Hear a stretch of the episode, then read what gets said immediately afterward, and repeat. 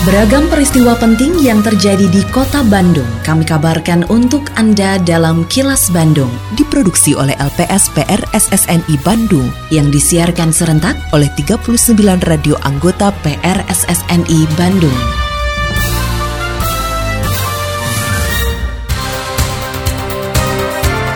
Sejumlah informasi aktual kami hadirkan untuk Anda dan inilah informasi utamanya.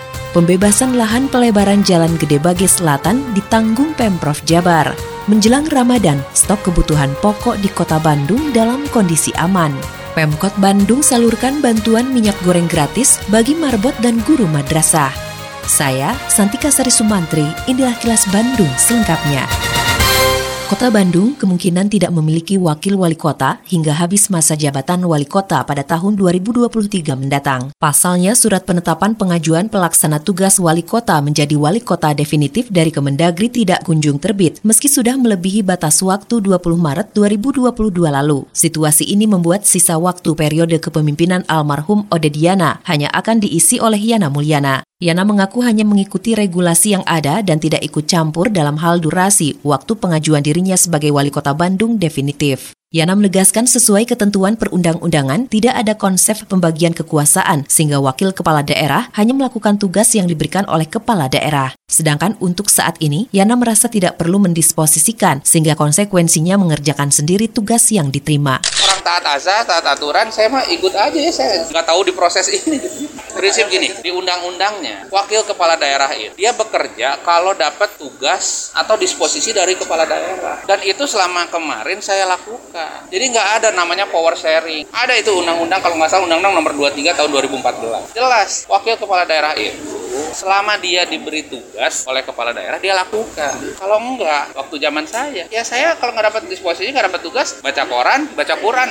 Kalau sekarang saya nggak perlu mendisposisikan saya kerjain ya udah gitu ya. Itu konsekuensi Anggaran pembebasan lahan untuk proyek pelebaran Jalan Gede Bage Selatan Kota Bandung bersumber dari APBD Provinsi Jawa Barat. Jalan Gede Bage Selatan dianggap perlu dilebarkan untuk memperlancar lalu lintas setelah dibukanya exit tol kilometer 149 ruas tol Purbalenyi atau exit tol Gede Bage. Hal tersebut disampaikan Sekretaris Daerah Kota Bandung, Emma Sumarna, usai meninjau penetapan lokasi exit tol kilometer 149 Gede Bage. Emma mengatakan informasi tersebut diperolehnya dari UPT Dinas Bina Marga Provinsi Jawa Barat yang juga menyebutkan anggarannya sudah diajukan dan diakomodir dalam RKPD Provinsi Jawa Barat tahun anggaran 2023.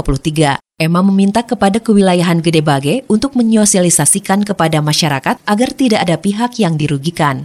Kemudian untuk pelebaran jalan Gede Bagi Selatannya, kalau misalnya exit 149 itu sudah berjalan, maka untuk pembebasan lahan kiri kanannya itu adalah provinsi dan itu akan dilaksanakan nanti 2023 dan itu informasi dari Porhuyat Kepala UPT ya. Dan itu sudah diajukan dan diakomodir nanti di dalam RKPD-nya provinsi tahun anggaran 2023 dan Pak Camat yang penting warga masyarakat itu komitmen pemerintahnya. Jangan sampai ini meleset Pemerintah Kota Bandung memastikan pasokan kebutuhan pokok di Kota Bandung aman menjelang Ramadan tahun ini. Kepala Dinas Perdagangan dan Perindustrian atau Disdagin Kota Bandung Eli Wasliah mengatakan, meski terjadi kenaikan harga beberapa komoditas, hal tersebut masih dalam batas wajar. Sejumlah komoditas yang mengalami kenaikan harga antara lain daging sapi, daging ayam, dan cabai rawit. Meski begitu, Eli berharap menjelang Ramadan nanti tidak ada kenaikan lagi. Untuk menekan kenaikan harga, pemerintah Kota Bandung berencana menggelar bazar yang berkolaborasi dengan Bulog Kota Bandung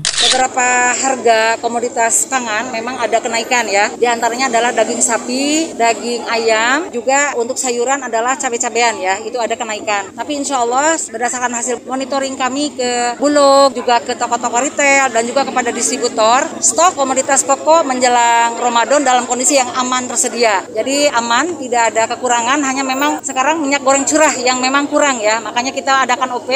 Sekarang minyak goreng kemasan banjir ya di toko-toko retail, tetapi karena harga harganya mahal, sepertinya penjualannya kurang seperti yang awal yang lagi murah ya.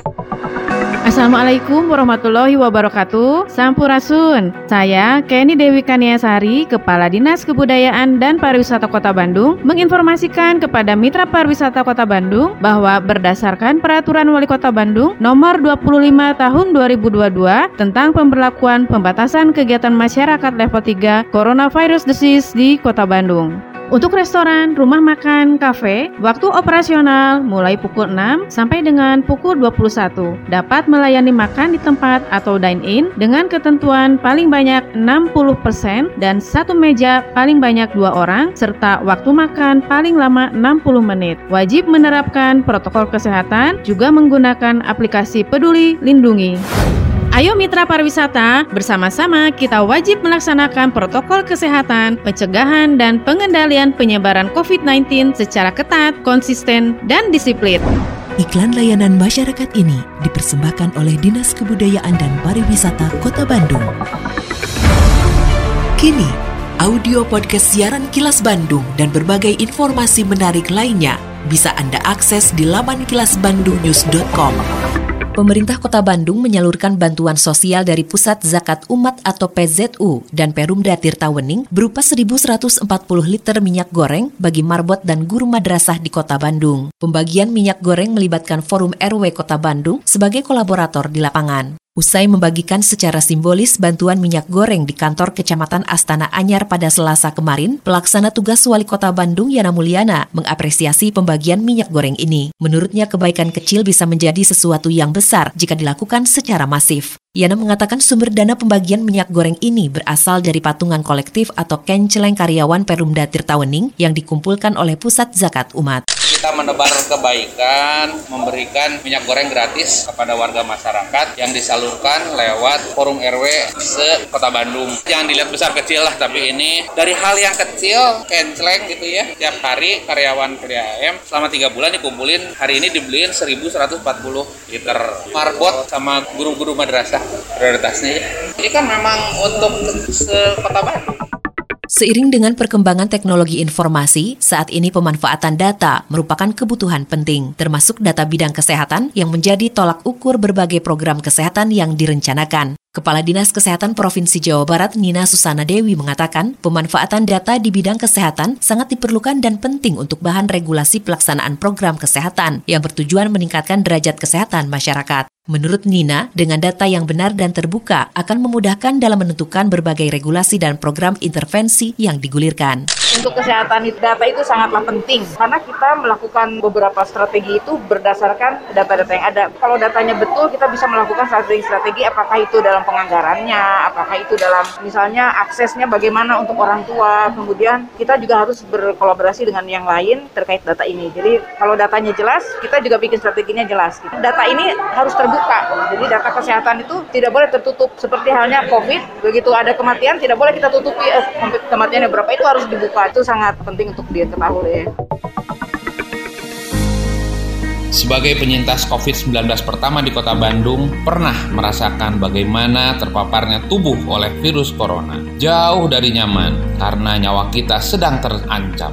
Jadi, jangan sampai hal tersebut Anda alami. Warga Bandung, pandemi COVID-19 belum usai. Mari disiplin menggunakan masker, cuci tangan selalu, jaga jarak, dan hindari kerumunan masih menjadi keniscayaan. Mari kita jalankan pola hidup sehat, makan teratur, istirahat yang cukup, dan berolahragalah. Saya Yana Mulyana, PLT Wali Kota Bandung. Atur nuhun. Iklan layanan masyarakat ini dipersembahkan oleh Dinas Komunikasi dan Informatika Kota Bandung. Tetap patuhi protokol kesehatan di masa adaptasi kebiasaan baru untuk memutus penyebaran COVID-19. Selalu memakai masker, mencuci tangan, menjaga jarak dan menghindari kerumunan, serta mengurangi mobilitas agar terhindar dari terpapar virus corona. Terima kasih Anda telah menyimak kilas Bandung yang diproduksi oleh LPSPR SSNI Bandung.